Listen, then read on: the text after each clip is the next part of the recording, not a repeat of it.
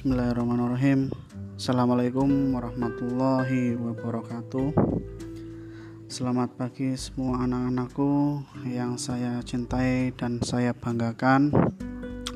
Pada kesempatan pagi hari ini eh, Sebelum saya menjelaskan untuk materi terkait pelanggaran hak asasi manusia dalam perspektif Pancasila ada beberapa hal yang akan saya sampaikan untuk masalah tugas yang sebelumnya. Mohon untuk eh, kelas 11 yang belum menyelesaikan tugas terutama di aplikasi sekolahan ID untuk segera dilaksanakan dan segera dikumpulkan.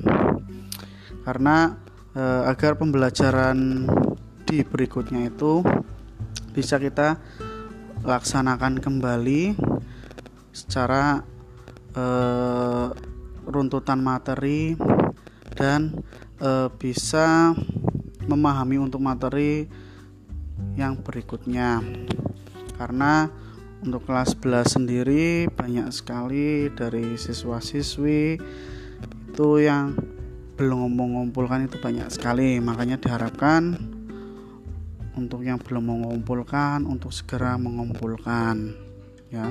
Termasuk untuk tugas yang terakhir terkait diskusi ya mengenai HAM ya. Itu juga bisa mungkin ditanggapi diskusinya. Terus untuk video dari hasil diskusi silakan kalian bisa buat. Terus kalian upload di YouTube kalian terus untuk alamatnya bisa dikirim ya ke WA Pak Susilo sendiri langsung saja untuk e, pertemuan pada pagi hari ini yang nantinya kita akan membahas tentang pelanggaran HAM ataupun hak asasi manusia dalam perspektif Pancasila. Mungkin kalian sering mendengar ya kata-kata terkait dengan HAM ya. HAM itu kepanjangan dari hak asasi manusia.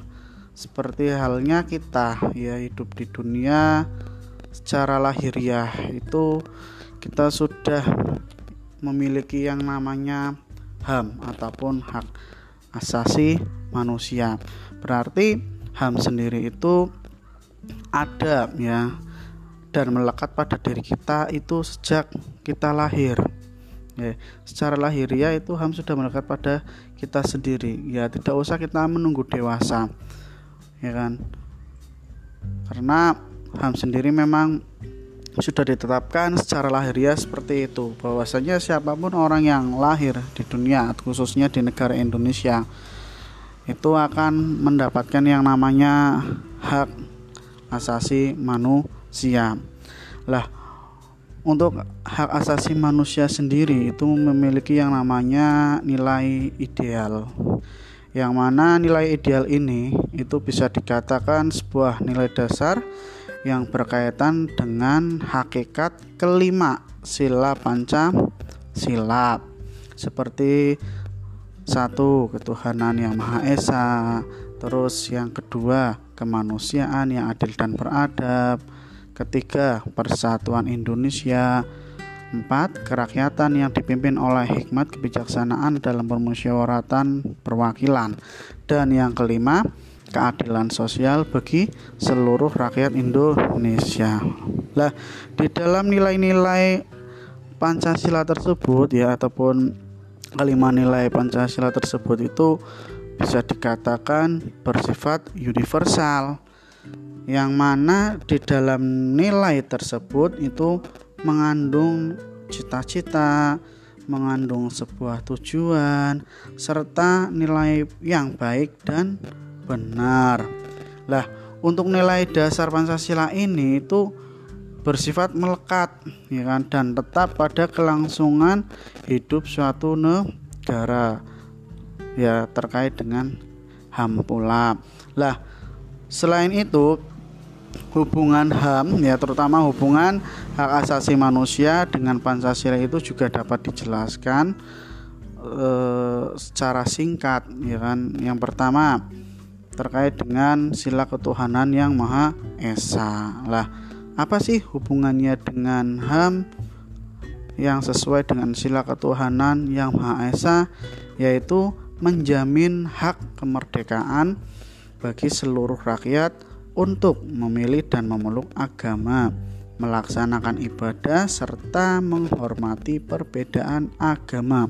Nah, itu terkait dengan sila yang pertama ya hubungannya dengan HAM. Jadi manusia dalam sila yang pertama terkait dengan ketuhanan itu memiliki yang namanya menjamin hak kemerdekaan ya kan terutama untuk seluruh rakyat Indonesia terus memiliki kebebasan ya untuk memilih ataupun memeluk agama ataupun melaksanakan ibadah dan menghormati suatu perbedaan agama. Lah itu untuk hubungan sila pertama Pancasila dengan HAM. Lah, sekarang untuk sila yang kedua hubungannya dengan HAM. Sila kemanusiaan yang adil dan beradab ya. Bahwasanya setiap warga negara pada kedudukan yang sama dalam hukum serta mempunyai kewajiban dan hak yang sama untuk memperoleh jaminan dan perlindungan hukum. Lah, untuk hubungannya Pancasila sila yang kedua dengan HAM, ya kan tadi sudah saya sampaikan bahwasanya setiap masyarakat Indonesia ataupun penduduk Indonesia itu memiliki kedudukan yang sama di mata hukum.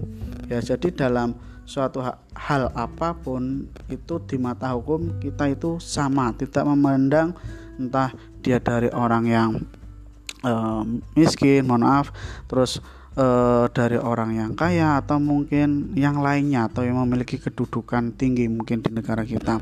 Itu ndak. Jadi di mata hukum kita setiap warga negara itu uh, memiliki kedudukan yang sama. Selain itu juga e, mempunyai yang namanya kewajiban dan hak yang sama ya kan? Yang mana untuk memperoleh jaminan dan perlindungan hukum. Jadi kita nggak usah takut kalau misalkan memang ada suatu permasalahan permasalahan hukum ya kan? Diselesaikan saja ya kan? Karena e, bisa dikatakan kita mendapatkan yang namanya jaminan dan perlindungan hukum ya karena itu juga sudah tertera di dalam uh, hubungan antara sila yang kedua dengan HAM. Terus yang ketiga itu hubungan sila yang ketiga dengan HAM ya. Sila Persatuan Indonesia yang mana menjelaskan bahwa adanya unsur pemersatu dalam antar warga negara dengan semangat rela berkorban dan menempatkan kepentingan bangsa dan negara di atas kepentingan pribadi atau golongan. Nah, itu untuk hubungan sila yang ketiga dengan HAM yang mana e, bahwasanya menjelaskan ya kan dengan adanya unsur pemersatu dalam antar warga negara ya kan, yang mana menempatkan kepentingan bangsa dan negara di atas kepentingan pribadi atau golongan. Nah, untuk itu hal ini juga bisa didasarkan terkait dengan adanya prinsip HAM yaitu hendaklah sesama manusia itu bergaul satu sama lain dalam semangat persaudaraan. Karena dalam negara Indonesia itu kita hidup itu bersosialis ya kan atau bisa dikatakan kita sebagai manusia itu membutuhkan bantuan orang yang lain Hendaknya manusia pun juga membutuhkan yang namanya pergaulan antara manusia satu dengan yang lainnya. Itu juga berkesinambungan dengan adanya manusia yang mana berstatus sebagai makhluk sosial, yang mana kita nggak bisa hidup sendiri. Kita pasti membutuhkan bantuan dari orang lain pula. Nah itu terkait dengan adanya hubungan sila yang ketiga dengan HAM. Terus yang selanjutnya untuk sila yang keempat ya, sila kerakyatan yang dipimpin oleh hikmat kebijaksanaan dalam permusyawaratan perwakilan. Yang mana uh, hubungannya sila yang keempat ini dengan dengan HAM itu terkait dengan mencerminkan sebuah perilaku ya terutama dalam kehidupan pemerintah misal kehidupan masyarakat atau lingkungan sekitar tempat tinggal kalian maupun e, bernegara yang demokratis. Lah, selain itu terkait dengan e, hubungan Pancasila yang keempat dengan HAM yang namanya e, menghargai hak ya kan, menghargai hak asasi manusia setiap warga negara ya ataupun setiap masyarakat Indonesia untuk e, bermusyawarah yang mufakat itu harus yang mana e, nantinya itu dilaksanakan tanpa adanya suatu paksaan, tanpa adanya suatu tekanan ataupun mungkin tidak adanya suatu intervensi yang ada dalam hak partisipasi masyarakat lah. Terkait dengan sila ya kan keempat yang hubungannya dengan HAM seperti itu. Jadi segala sesuatu hal karena dengan adanya kerakyatan yang dipimpin oleh hikmat kebijaksanaan dalam pemusyawaratan perwakilan itu segala sesuatu hal itu diharuskan adanya suatu musyawarah yang mufakat. Karena memang di dalam adanya musyawarah mufakat itu pasti tidak adanya suatu paksaan, tidak ada suatu tekanan ataupun intervensi. Terus yang selanjutnya untuk e, sila yang kelima hubungannya dengan HAM sila keadilan sosial bagi seluruh rakyat Indonesia yaitu e, dengan adanya mengakui hak milik yang bersifat perorangan serta dilindungi dilindungi pemanfaatannya oleh suatu negara dan memberikan suatu kesempatan yang sebesar besarnya kepada masyarakat. Lah itu hubungannya untuk sila yang kelima dengan HAM. Bahwasanya e, di negara Indonesia ini juga memiliki yang namanya suatu keadilan. Yang mana keadilan ini terkait dengan adanya mengakui hak milik yang memang itu miliknya yang mana bersifat e, perorangan. Lah, hak miliknya itu itu dapat dilindungi terkait dengan pemanfaatan oleh suatu negara. Selain itu juga memberikan suatu kesempatan yang sebesar-besarnya kepada semua masyarakat ya. Jadi itu adalah e, kelima sila Pancasila yang ada hubungannya dengan hak asasi manusia. Lah, selain itu HAM juga memiliki yang namanya ciri-ciri ya ciri-ciri dari HAM sendiri itu ada beberapa macam. Kalau ada yang tahu ya alhamdulillah. Kalau misalkan ada yang belum tahu saya kasih tahu ya. Jadi untuk ciri-ciri HAM sendiri itu ada empat. Yang pertama itu ada hakiki yang kedua itu ada universal yang ketiga itu ada tidak dapat dicabut dan yang keempat tidak dapat dibagi atau tidak dapat dibagikan. Nah, saya jelaskan untuk ciri-ciri HAM yang pertama terlebih dahulu. Jadi untuk ciri-ciri HAM untuk yang hakiki bisa dikatakan hak asasi manusia itu merupakan hak asasi seluruh umat manusia yang sudah ada sejak lahir ya. Seperti yang tadi awal saya sampaikan bahwasanya HAM itu sudah melekat pada diri kita sejak lahir. Ya, lahiriah itu kalau misalkan dalam bahasa itu bisa dikatakan ya hakiki bahwasanya secara hakiki ya HAM itu melekat pada diri kita sendiri sejak lahir. Lah itu untuk ciri HAM yang per pertama terus yang selanjutnya untuk yang kedua itu ada universal. Lah untuk universal sendiri itu merupakan HAM ataupun hak asasi manusia yang mana berlaku untuk seluruh manusia tanpa adanya memandang status ya. Tanpa adanya memandang status. Entah itu dilihat dari uh, kekayaan, status, suku bangsa, gender ya kan ataupun perbedaan-perbedaan yang lainnya. Lah HAM itu tidak mengenal itu, ya kan? Lah itu dikatakan ciri-ciri HAM yang universal. Karena HAM itu e, bersifat menyeluruh, setiap manusia itu ada, ya kan?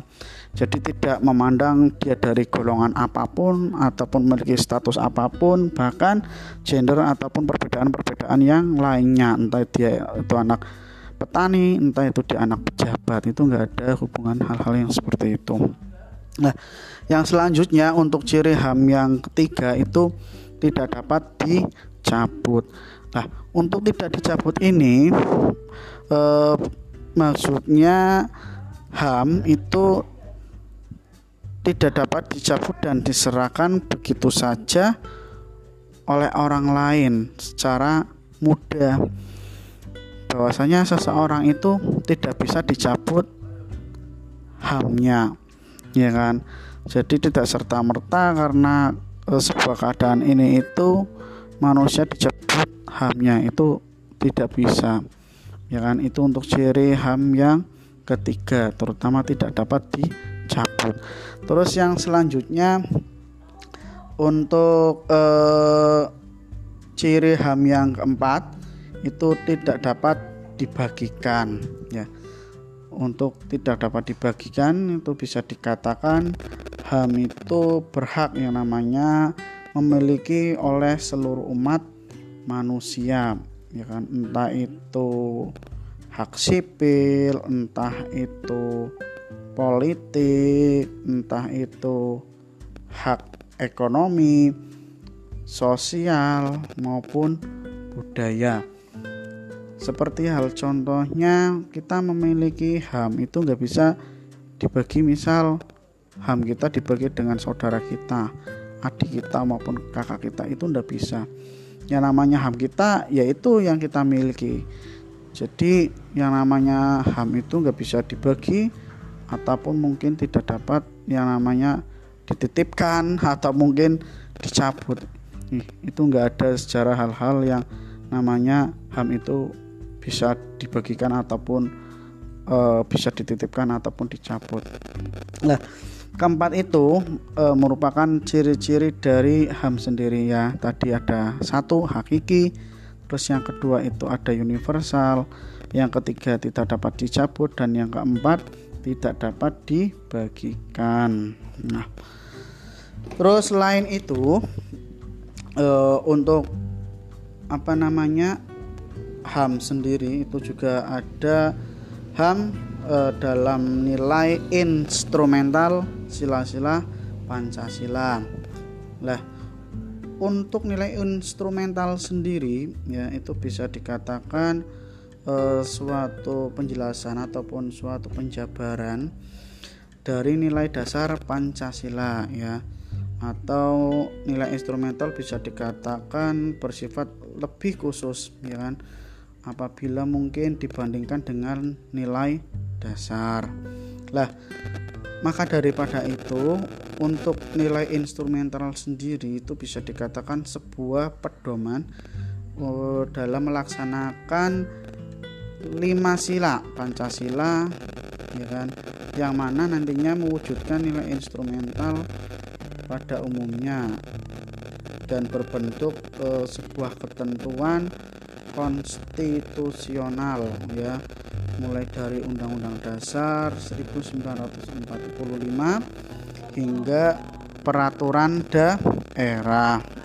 Nah, e, untuk peraturan perundang-undangan yang menjamin hak asasi manusia antara lain yaitu yang pertama ada Undang-Undang Dasar Negara Republik Indonesia tahun 1945 di pasal 28A sampai 28C. Ya. Terus yang kedua, ketetapan MPR nomor 17 garis miring MPR garis miring tahun 1998 mengenai hak asasi manusia. Yang ketiga, ketentuan dalam undang-undang organik. Terus yang keempat ada ketentuan dalam peraturan pemerintah pengganti undang-undang nomor 1 tahun 1999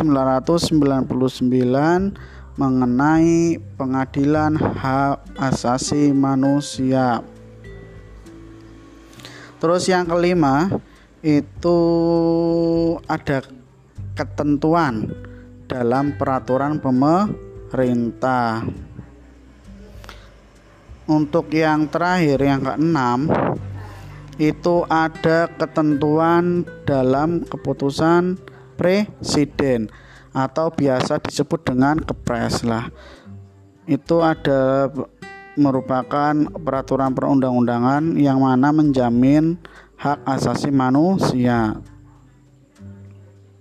ada enam ya tadi yang pertama Undang-Undang Dasar Republik Indonesia tahun 1945 pasal 28A sampai 28C. Yang kedua, ketetapan MPR nomor 17 garis miring MPR garis miring 1998 mengenai HAM. Ketiga, ada ketentuan dalam undang-undang organik. Terus yang keempat ada ketentuan dalam peraturan pemerintah pengganti Undang-Undang nomor 1 tahun 1999 mengenai pengadilan HAM atau itu bisa dikatakan atau disingkat Perpu ya. Terus yang selanjutnya yang kelima ada ketentuan dalam peraturan pemerintah dan yang keenam ada ketentuan dalam keputusan presiden atau mungkin bisa disingkat dengan kepres lah itu adalah e, beberapa macam peraturan perundang-undangan yang mana untuk menjamin hak asasi manusia.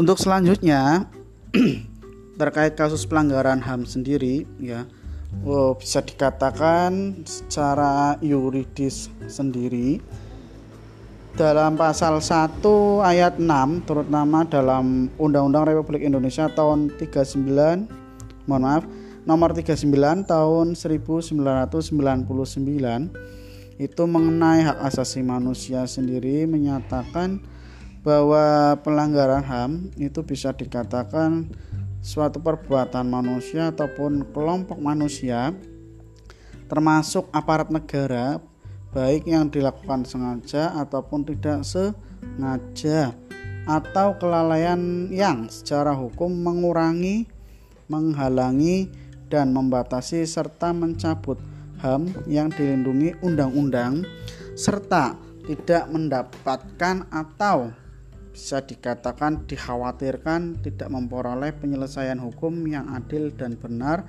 berdasarkan mekanisme hukum yang berlaku. Nah, itu terkait dengan adanya eh, pandangan secara yuridis terutama di dalam pasal 1 ayat 6 di dalam Undang-Undang Republik Indonesia ya terutama nomor 39 tahun 1999 terkait dengan adanya HAM. Lah, untuk pelanggaran HAM sendiri untuk HAM berat ya, terutama e, menurut Undang-Undang Republik Indonesia nomor 26 tahun 2000 mengenai pengadilan HAM itu dibagi menjadi dua. Yang pertama itu ada kejahatan genosida dan yang kedua ada kejahatan terhadap kemanusiaan. Ya, diingat-ingat pelanggaran HAM ya, terutama HAM berat. Ya, menurut Undang-Undang Republik Indonesia nomor 26 tahun 2000 mengenai pengadilan HAM itu dibagi menjadi dua. Yang pertama, kejahatan genosida dan yang kedua ada kejahatan terhadap kemanusiaan. Selanjutnya eh, untuk konsekuensi ya kan atau bisa dikatakan dampak apabila suatu negara tidak melakukan upaya pemajuan, penghormatan maupun penegakan HAM maka dapat e, menerima akibat sebagai berikut ya kan? yang pertama memperbanyak pengangguran. Yang kedua memperlemah daya beli masyarakat. Yang ketiga meningkatkan jumlah anggota masyarakat miskin. Yang keempat memperkecil pendapatan nasional. Yang kelima menurunnya tingkat kehidupan masyarakat. Yang ketujuh, kesulitan dalam mendapatkan bantuan dan kerjasama dengan negara lain. Dan yang kesembilan, kesulitan dalam mengadakan kerja sama. Nah itu adalah sembilan eh, konsekuensi atau mungkin bisa dikatakan dampak lah ya apabila mungkin suatu negara tidak bisa yang namanya melakukan upaya pemajuan ataupun penghormatan dan penegakan HAM termasuk di negara Indonesia pun juga seperti itu.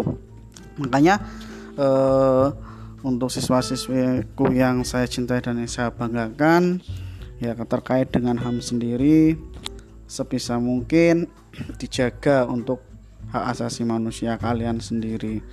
Jangan sampai HAM kalian bisa eh, apa namanya dipergunakan ataupun difungsikan yang tidak tidak oleh orang lain. Makanya sebisa mungkin dijaga terkait dengan hak asasi manusia kalian. Ya mungkin itu eh, yang bisa Pak Susilo sampaikan. Sebisa mungkin eh, biar mudah kalian dipahami kalian bisa diresum atau mungkin dirangkum di buku catatan kalian atau mungkin untuk uh, pertemuan yang awal dulu pernah Pak Susilo pernah mengirim materi sudah dicatat ya dilengkapi lagi dengan yang ini. Ya nanti hasilnya bisa difoto nanti dikirim di email Pak Susilo. Ya seperti itu. Semoga eh, apa yang sudah Pak Susilo sampaikan bisa bermanfaat untuk kalian. Jangan lupa kalian dipelajari, tidak hanya kalian didengarkan tok dan ditulis tok ya tapi kalian tidak dipelajari ya percuma ya kan? Wong kalian di, disekolahkan orang tua kan untuk mencari ilmu dan membentuk karakter. Tapi kalau misalkan kalian hanya sekolah-sekolah no ya nulis nulis rengokne rengokne. Tapi kalian nggak apa namanya mempelajari dengan baik ya kan? Ya percuma. Dan jangan lupa ya kan nanti mungkin di bulan September itu nanti ada PTS penilaian tengah semester atau dulunya itu biasanya namanya UTS dipersiapkan. Nanti untuk materi untuk pelajaran PPK sendiri nanti Pak Susilo sampaikan nanti ke wali kelas biar nanti wali kelas yang nge-share ke grup WA kalian terutama untuk kelas 11 ya dipersiapkan untuk UTS-nya juga. Mungkin itu aja yang eh, Pak Susilo sampaikan. Kurang lebihnya terima kasih. Jangan lupa tugasnya dipenuhi. Saya tunggu. Karena kalau misalnya kalian nggak mengumpulkan tugas kalian akan mendapatkan nilai yang limit saya katakan ya dan jangan sampai nanti dinilai yang limit atau nilai yang kurang kalian bisa tidak naik kelas ya kan nantinya. Ya kan? makanya sangat sangat merugi kalau misalnya kalian tidak e, menyelesaikan tugas dengan baik. Mungkin itu saja yang bisa Pak Susilo sampaikan. Kurang lebihnya terima kasih. Nasrun minallah wa fatun Wassalamualaikum warahmatullahi wabarakatuh